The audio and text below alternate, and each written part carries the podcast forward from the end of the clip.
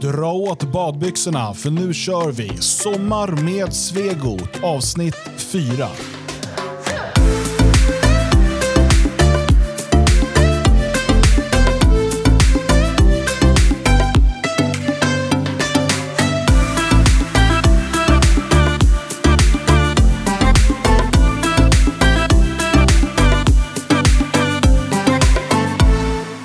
Hoppas du har det underbart där ute i sommarvärmen. Jag heter eh, Dan Eriksson och jag är på något sätt ansvarig för de här Sommar med Svegot-programmen.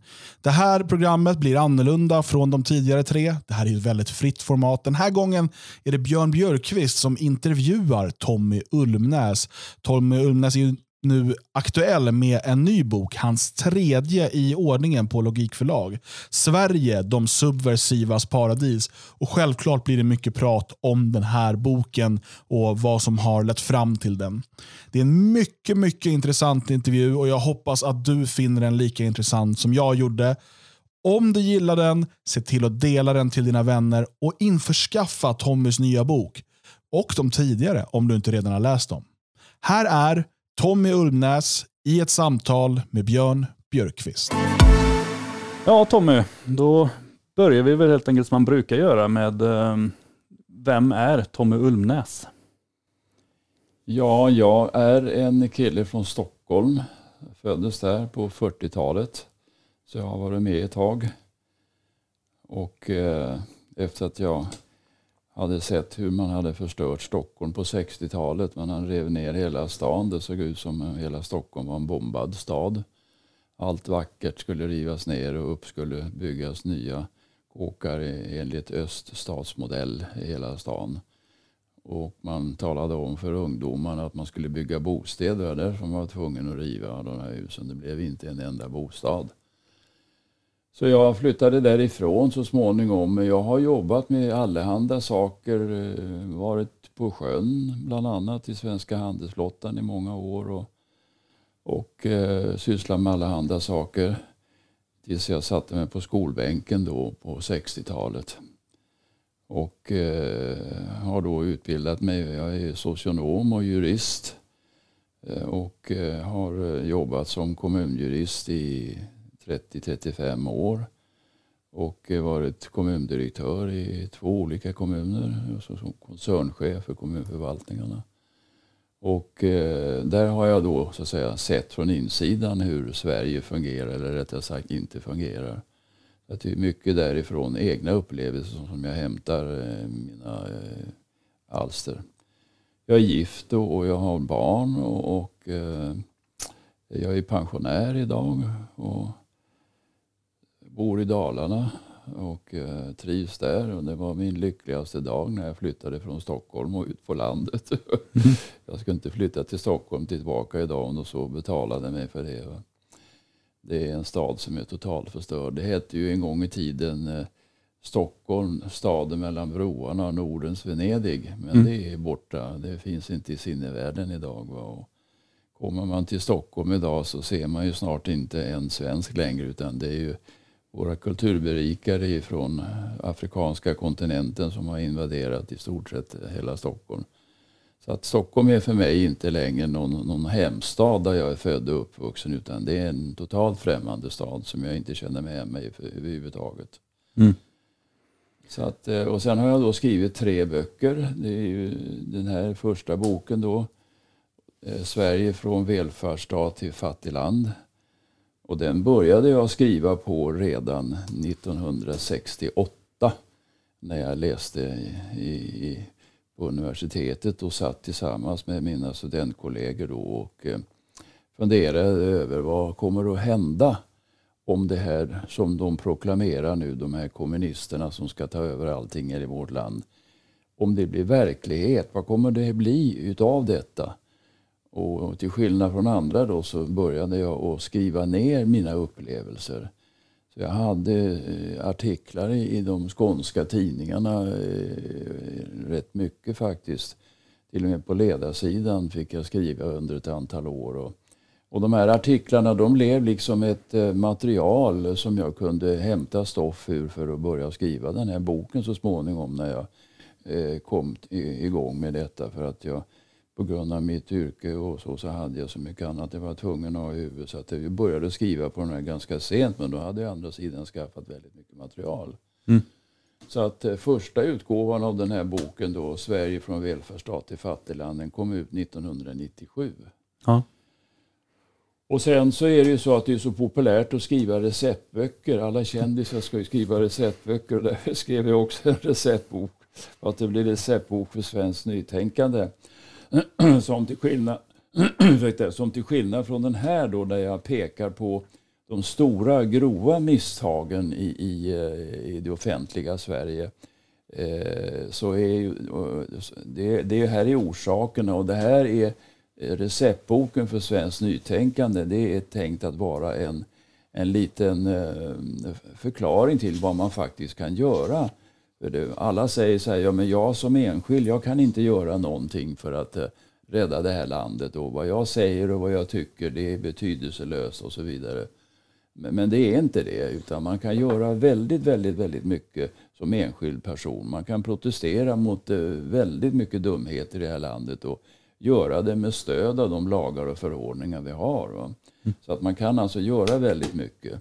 Och den här sista boken då, och, och den här kom ut 1997 den här första boken och den andra boken, den här receptboken Svenskt nytänkande kom ut 2001. Och den här sista boken då, Sverige det subversivas paradis, den har kommit ut då i år. Då. Och den här sista boken här då, det handlar ju då om mera i detalj hur man systematiskt eh, Eh, engagera sig och arbeta för att totalförstöra hela systemet. Så här är mera eh, inriktat på eh, mera exakt vad som har hänt under de här åren.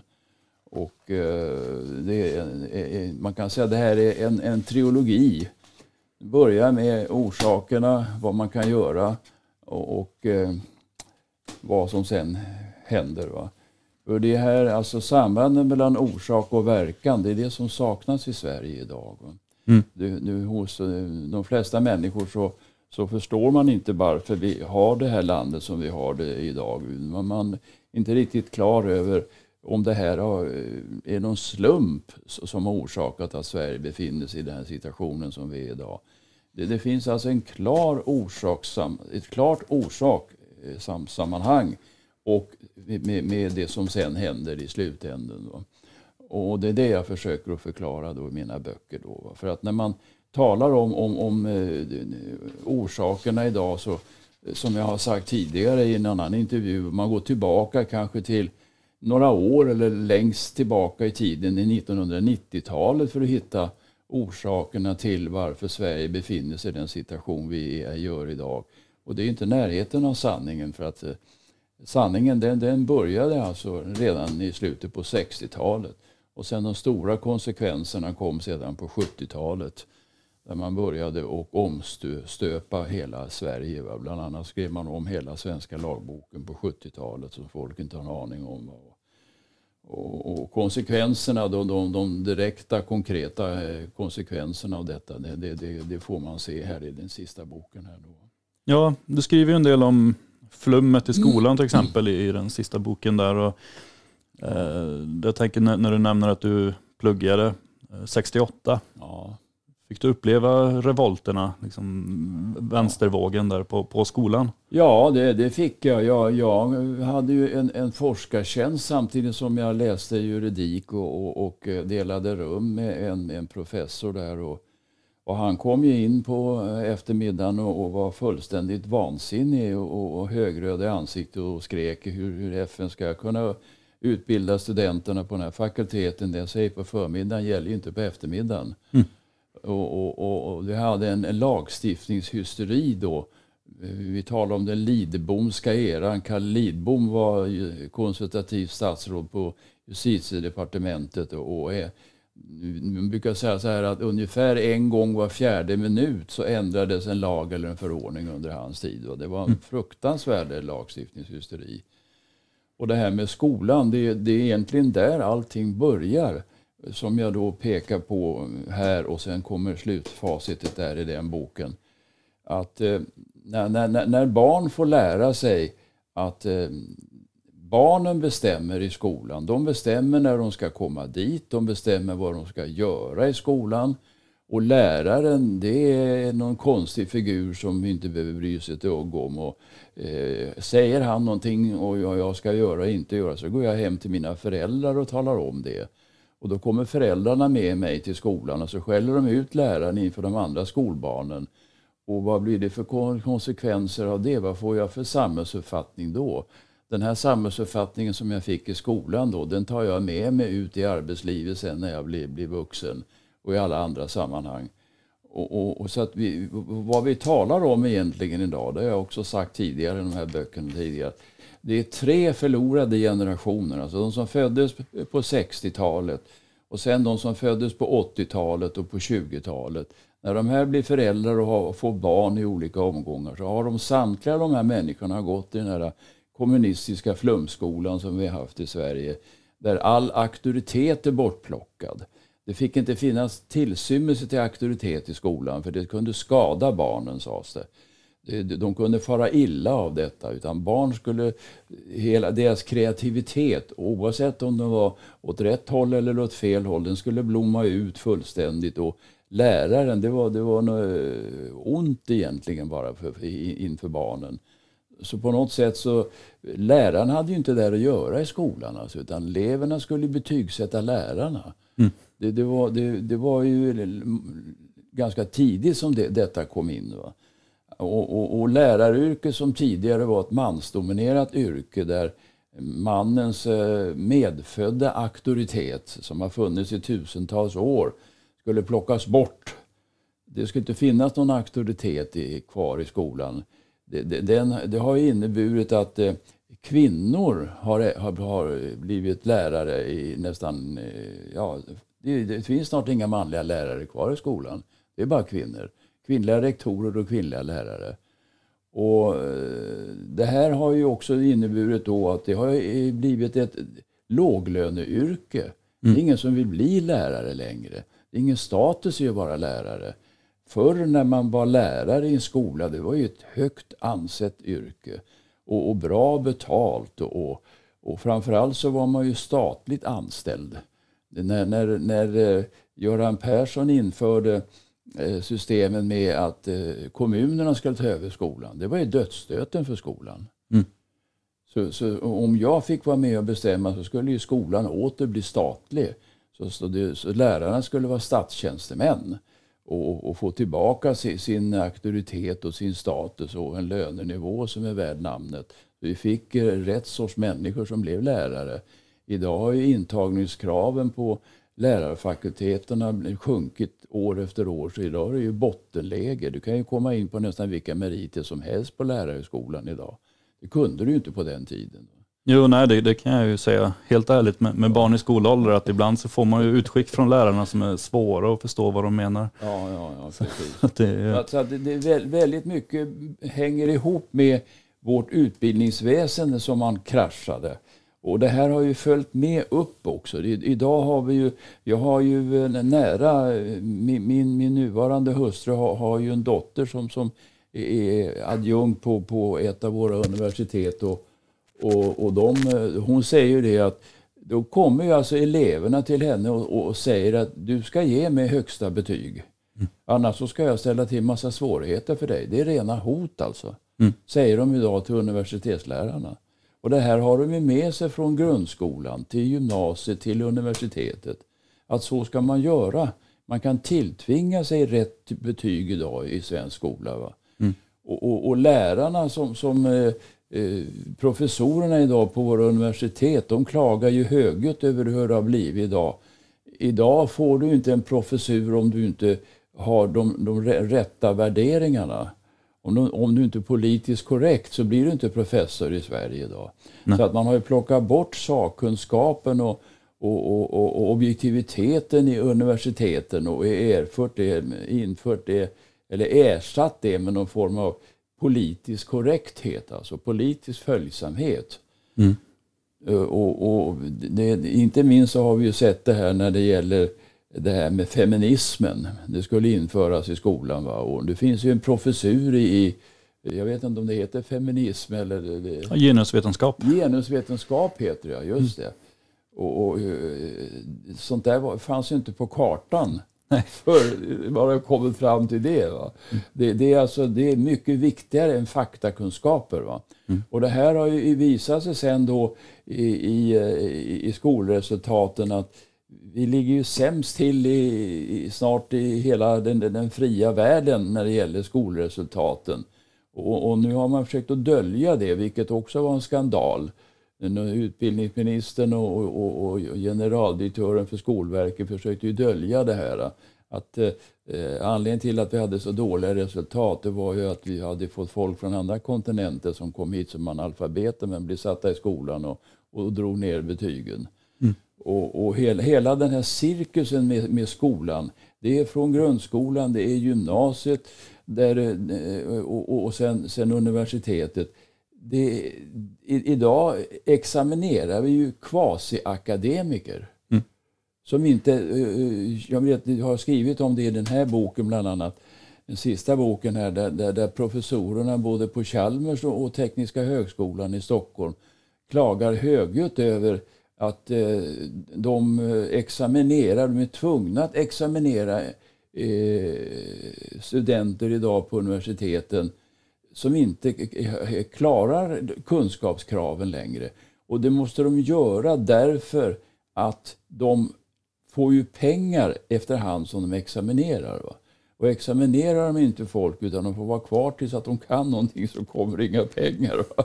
Så att det är pengarna som styr idag. Den politiska korrektheten och pengarna styr vilka som blir examinerade i stort sett idag.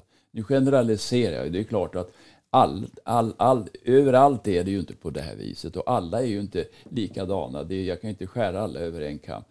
Men, men, systemet är sådant. Ja, Vi har ju ändå en läroplan som, Ja. som prioriterar värdegrund framför kunskap. Ja, precis. Exakt, det har vi. Va? Och det sista eh, dråpslaget mot, mot eh, det här systemet det var ju då när, när Skolverket kom ut med ett förslag om att man skulle ta bort all information om den antika historien. För det, det, det hörde ju inte hemma i, i svensk undervisning idag. Va?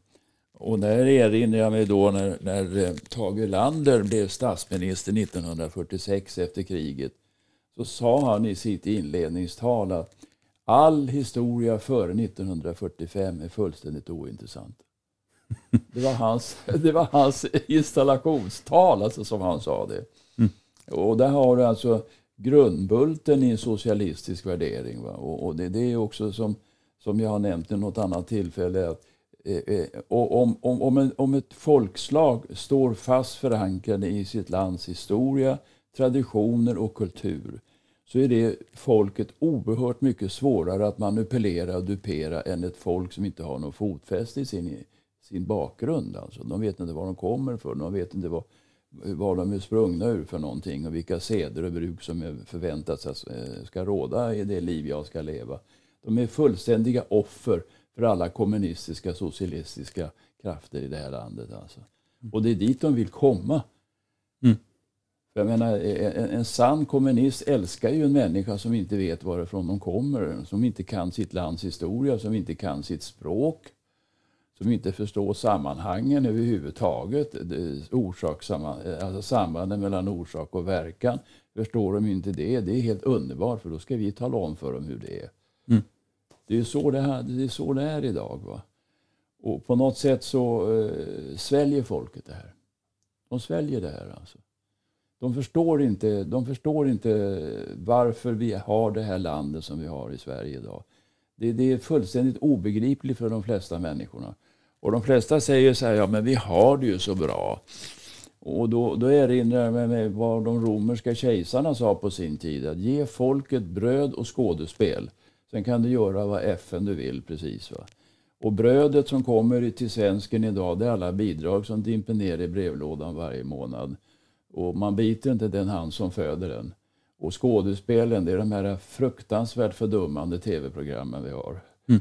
Med Bingolotto och allt vad det heter för. Och alla matlagningsprogram som man matar svenska folket med. Men eh, har, vi inte, har vi inte det ganska bra då? Vi, vi betalar ju väldigt mycket skatt. Ja, man kan säga att vi betalar mycket skatt, ja, men, men det brukar man säga så här att anledningen till att vi betalar, bland annat anledningen till att vi betalar världens högsta skatt, det är, de påstås att vi har världens bästa sjukvård. Mm.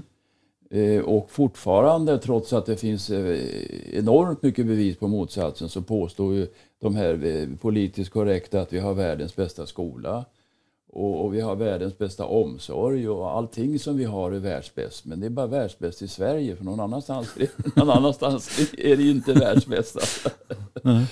det, det, finns ju på punkt efter punkt så finns det ju bevis för att det är precis motsatsen.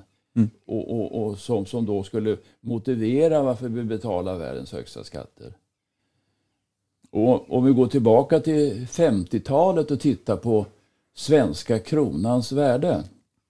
Då var svenska kronan i paritet med den tyska D-marken. Mm. Och den tyska D-marken det är ju faktiskt den som egentligen idag är euron. Och det är alltså tio gånger mera värd än den svenska kronan. Och det har också ett mått på hur man har förstört den svenska ekonomin. Mm. Och, och, här, här har man ju då motiverat med de här devalveringarna, nedskrivningarna av värdet på kronan med att om vi inte hade gjort det så hade vi inte fått sälja våra produkter utomlands för då hade de varit för dyra. Men de som vet vad det handlar om de säger så här att vad man skulle ha gjort istället det var att man skulle ha tvingat den svenska industrin till forskning och utveckling så att de hade varit fanbärare och legat i spetsen framför alla länder med utvecklingen av sina produkter så att de produkterna hade varit bättre än de andra produkterna istället. Mm. Istället så prioriterade man sysselsättningen. Det var ju industriarbetaren som röstade på sossarna. Alltså ska industriarbetaren hålla sysselsatt. Mm. Och det, det, är han som ska få, få lön varje, varje vecka.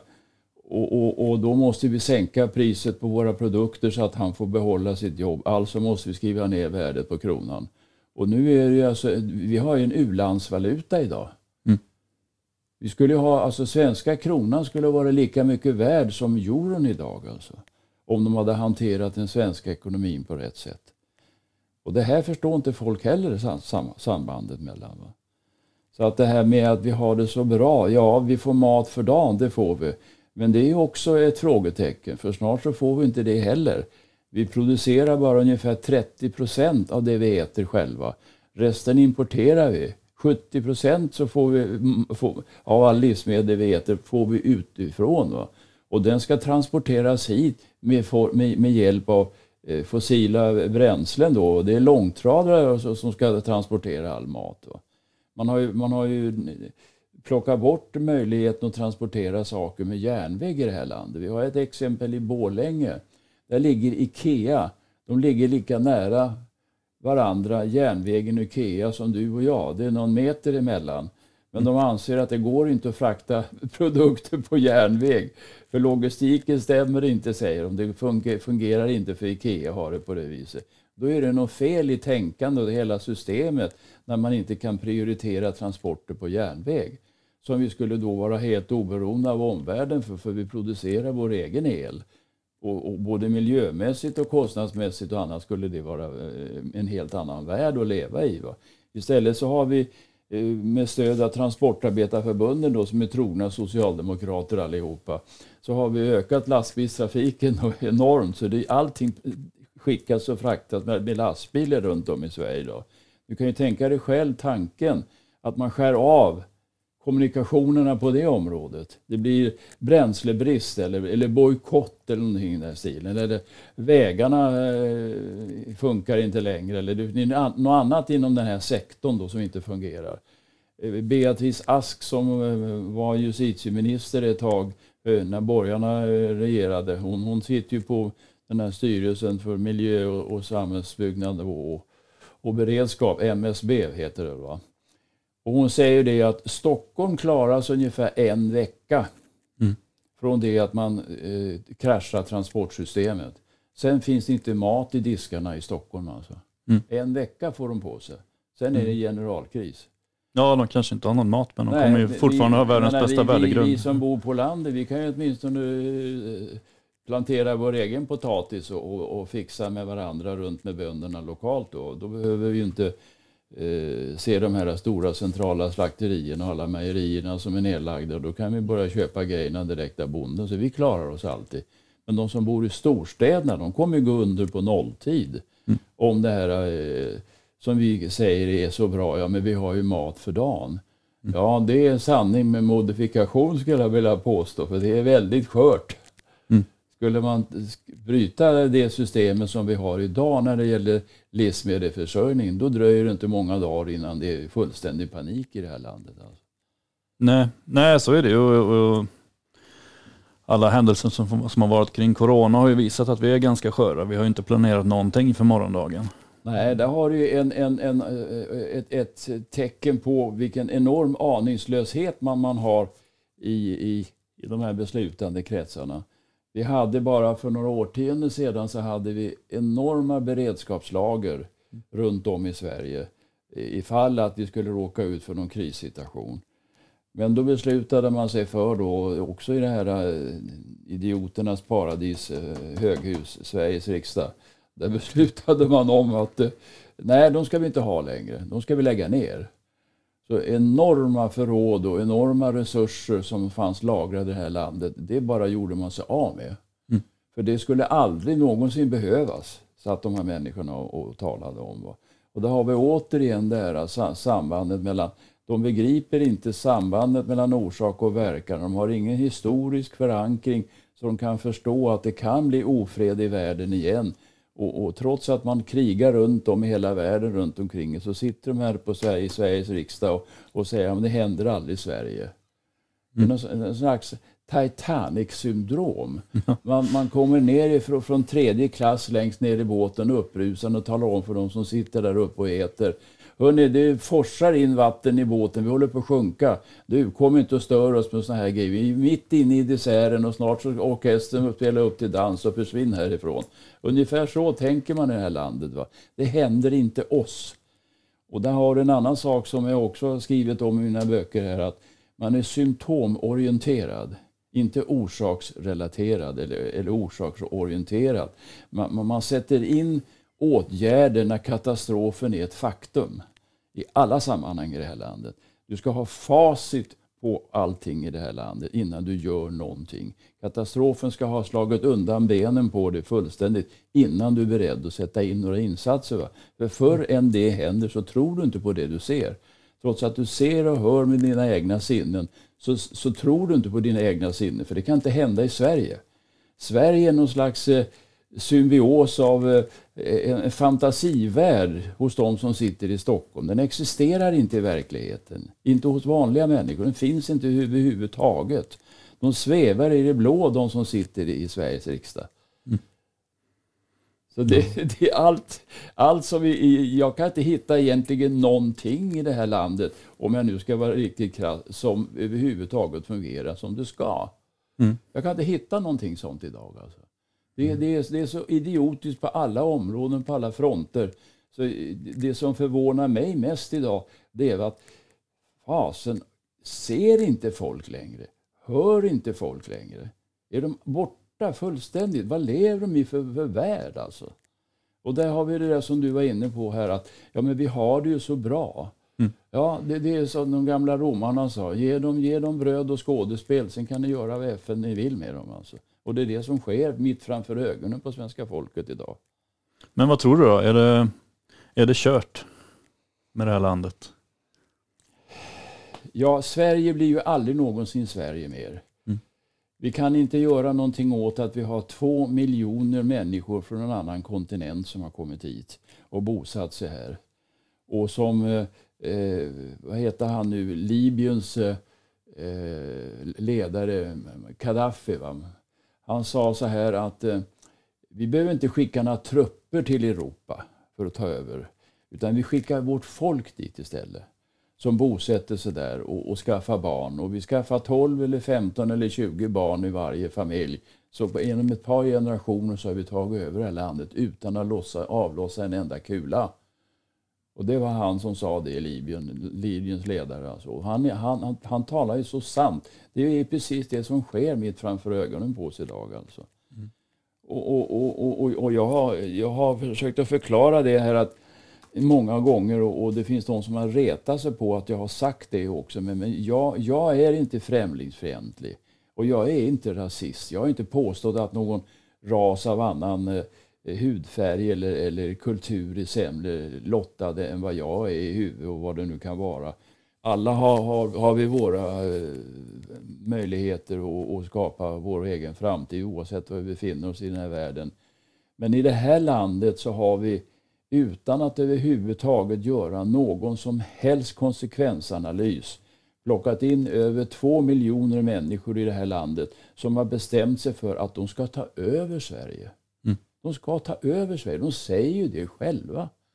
Det, det, det, imamerna står ju och predikar det i de här eh, ställena där de träffas. Va? Och, I andra sammanhang så säger de det. Och, och, och, kommer polisen till de här utanförskapsområdena som inte är 60 utan de är 130 idag, alltså enligt Säpo.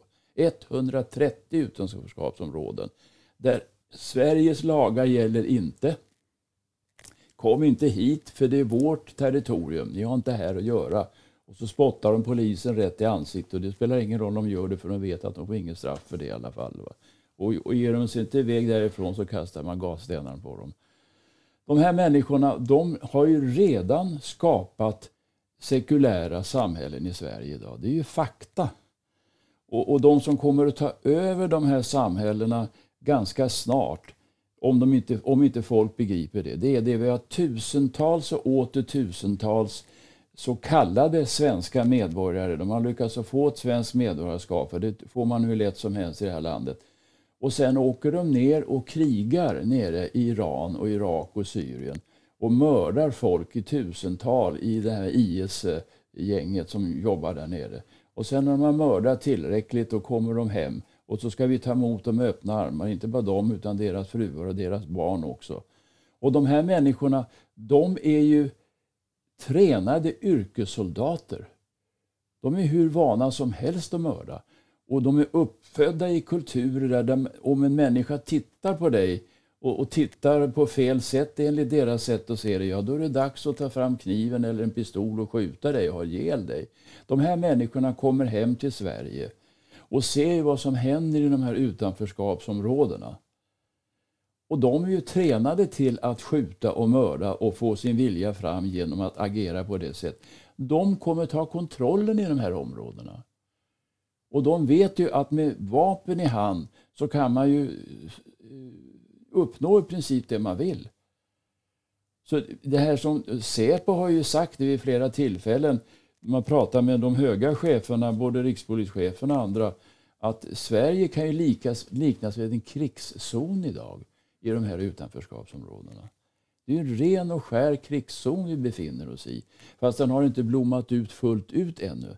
Men den dagen som de här bidragen inte kommer längre, den dagen man börjar tala om att nu så ska vi skicka tillbaka eh, så många som möjligt. Och, och, ni får inte de skolor ni vill ha, ni får inte de bostäder ni vill ha, ni får inte det arbete ni vill ha. I princip det som man lovade bland flyktingsmugglarna när ni satte de här gummibåtarna över Medelhavet. Ingenting av det stämmer i Sverige längre. Men vad ska ni ta vägen då? Ja, nu är de, nu är de på väg att skicka ut oss. Nu ska, nu, ska, nu ska vi åka hem igen. Du förstår vilken situation de här människorna kommer att befinna sig i. De har inget annat val än att ta till vapen. Alltså. Mm. Och vapen flödar in i det här landet. Oh ja. Och då har du det här inbördeskriget. Så det, det, det, det är det som jag ser framför när du frågar mig om Sveriges framtid. Mm. Och, och, och, och, och när, när, man kan sitta i en helikopter som vissa av partiledarna har gjort och flyga över Lappland och så tittar man ner på de här enorma skogarna som finns där och så säger man så här, ja men här finns ju mycket plats som helst för mm. invandrare. Mm. Det kan vi, vet du, Annie Lööf var ju nere i Marrakesh i Marocko den 10 december 2019 och skrev under eh, den här ändringen av eh, de mänskliga rättigheterna, en, en ny klausul där. Där man har skrivit in att alla människor på det här jordklotet har rätt att bosätta sig precis var de vill. Mm. Och då stod det 40 miljoner människor i Afrika och väntade på att få komma hit. Och det tyckte hon att det var helt okej. Okay. Mm. Både hon och Reinfeldt har ju samma idéer, öppna era hjärtan. Att kom hit och så åkte man över skogarna där och talade om att här kan ju folk bo. Det är inte en vit man vi bor för det går inte att leva av någonting där uppe. Dit skulle alla de här afrikanerna komma då. Va? Jag menar, man har ju en, en verklighetsbild som är... Den är ju värre än sagor när man läser för barn. Alltså. Och de sitter alltså i Sveriges riksdag, är partiledare och, och, och, och, får röster av folk. Alltså. Det, det, det är så groteskt det kan bli. Och nu talar man på kommunistiskt håll om att man ska sänka rösträttsåldern till 16 år. För det, de ska vara med och påverka sin framtid. Samtidigt så finns ett annat gäng som säger att är man under 20 år så vet man inte vad man gör. Man förstår inte konsekvenserna av sitt handlande. Alltså så måste vi ha kvar straffrabatterna och, och, och sänkningen av straffen. För, för de begriper inte bättre. Va? Mm. Och, och, och, då ska man alltså ge 16-åringar rösträtt som ska då tala om för resten av befolkningen vilken regering och riksdag man ska ha. Som ska styra det här landet då. Vilket försvar vi ska ha, vilken infrastruktur vi ska ha, vilken sjukvård och skola alltihopa. Det ska de här 16-åringarna vara med och besluta om som inte kan stava till sitt eget namn för de har gått i den här flumskolan och vet inte, kan varken läsa eller räkna alltså det, vi lever i en, en, jag vet inte vad jag ska säga, det, kaos det, det är lindrigt ord för det, den situation vi befinner oss i Sverige idag. Och då överdriver jag inte, jag delar ju det här med hundratusentals väljare. Men de som röstar på SD var 1,2 miljoner, men har samma uppfattning som allihop. Mm. Jag menar, en kan ju ha fel. Men inte miljontals människor som ser samma saker. Det, det, det, att eh, negligera det och, och, och, och, tro att det är några konspirationsteoretiker eller domedagsprofeter eller andra idioter som skapar den här sanningen. Det kan man ju sitta och säga, va? Men, men, men de får ju skylla sig själv den dag det här sker. Va? Och jag skrev i den här boken, jag hade rätt. Mm. Det inleder jag med därför att eh, i, den här, eh, i det här sammanhanget så såg vi ju vad som skulle hända om det här nu blir verklighet. Som man sa i slutet på 60-talet. Ja, då blir det ju så här och så här och så här. Vi var massor av studenter som var överens om det. I den här boken avslutar jag med att säga jag kommer att få rätt. Mm. Det, det, är hela bilden av alltihop. Uh, om vi ska avrunda här lite grann uh, i och med att vi sänder på internet och folk är otåliga och kan inte ja. titta för länge på någonting. Uh, vilka ska läsa dina böcker? Vem är läsaren? Alla människor som vill ha fram svaret på frågan varför har vi hamnat i den situation vi är idag i Sverige. Alltså. Och de människor som vill ha en annan bild av vad som är sant och inte sant i Sverige. Va? Som tycker att det här det de säger på tv, det stämmer inte längre för jag säger, ser en annan verklighet. Läs mina böcker och börja med boken Ett Sverige från välfärdsstat till fattigland, bok nummer två, receptboken Svenskt nytänkande och sist, sista boken Sverige det subversivas paradis. Läs böckerna i den ordningen. Så får, så får de alltså en, en, en klar bild av hur detta har kunnat bli verklighet med Sverige. Alltså. Så det är alla människor som vill ha en annan information än den som man får från de här journalisterna som sitter i tv. Jag, jag, jag ska sända det budskapet också för att jag, jag frågade en människa en gång som hade väldigt eh, konkreta eh, eh uppfattningar om vad SD stod för. Och då sa han så här, var har du fått de uppfattningarna från? Ja, det är väl, inte, det är väl ingen konstigt, det är bara att titta på TV, sa han. och då sa jag så här, ja men snälla du, så jag, vet du vad det är för människor som sitter i TV och tittar dig i ögonen och talar om för dig vad du ska tycka, vad du inte ska tycka. Vad du får lov att tycka och, och, och, och inte och när du ska tycka och inte tycka.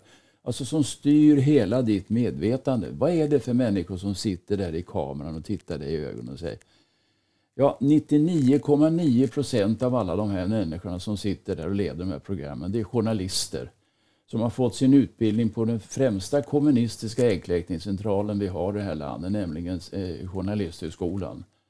De sitter och talar om för dig vad du ska tycka och inte tycka. Och det sväljer du och köper du med hull och hår. De människorna som gör det, till dem riktar jag mig. Läs, försök att skaffa en annan information än den information du har matats med i årtionden. Då här, här, här är den radikalt annorlunda informationen om vad det är som händer i Sverige och har hänt under de senaste 50 åren. Mm.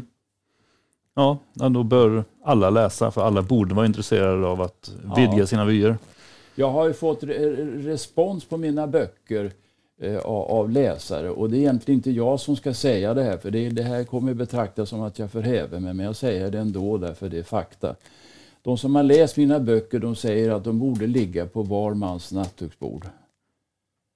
Om du överhuvudtaget har något som helst intresse vad som händer med ditt fosterland och vart vi är på väg någonstans. Mm. Det, det, är som du säger, alla bör läsa den här alltså. Utan undantag.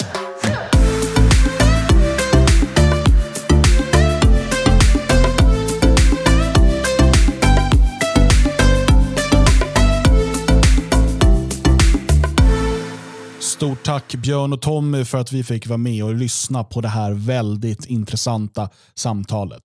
Som sagt, boken Sverige de subversivas paradis finns på logik.se tillsammans med hundratals, ja till och med tusentals andra titlar. Det är en otrolig skatt. Eh, in och kika och beställ de böcker du vill ha som sommarläsning. Nu på fredag så är det ju midsommar och jag hoppas att du kommer ha ett riktigt bra midsommarfirande. Många fria svenskar kommer att fira i och kring Svenskarnas hus, så även jag. Så är du där på fredag så hoppas jag att vi får tid att prata lite grann med varandra och beroende på hur sent du blir kvar kanske sjunga en eller annan snapsvisa ihop. Midsommar, det är en härlig högtid och jag ser verkligen fram emot fredagen. Nästa Sommar med Svegot kommer bli ett eh, reportage ifrån midsommarfirandet. Tror jag just nu. Vi har åtminstone förberett det. Sen vet vi att vad som helst kan hända. Planen är i alla fall att ett nytt program kommer ut nästa måndag och förhoppningsvis är det då med ett reportage från midsommarfirandet och förhoppningsvis massor av röster från er lyssnare och deltagare på midsommarfirandet. Tycker du om Radio Svegots arbete, se till att stödja det. Gå in på svegot.se, teckna en stödprenumeration alternativt lämna en donation. Det är så vi finansierar det här. Vi har inga stora sponsorer. Vi vill inte lägga saker bakom betalvägg i onödan. Vi vill kunna ha det här öppet så mycket och så länge som möjligt, men det går bara med lyssnarnas stöd. Stort tack för idag och ha en fin vecka.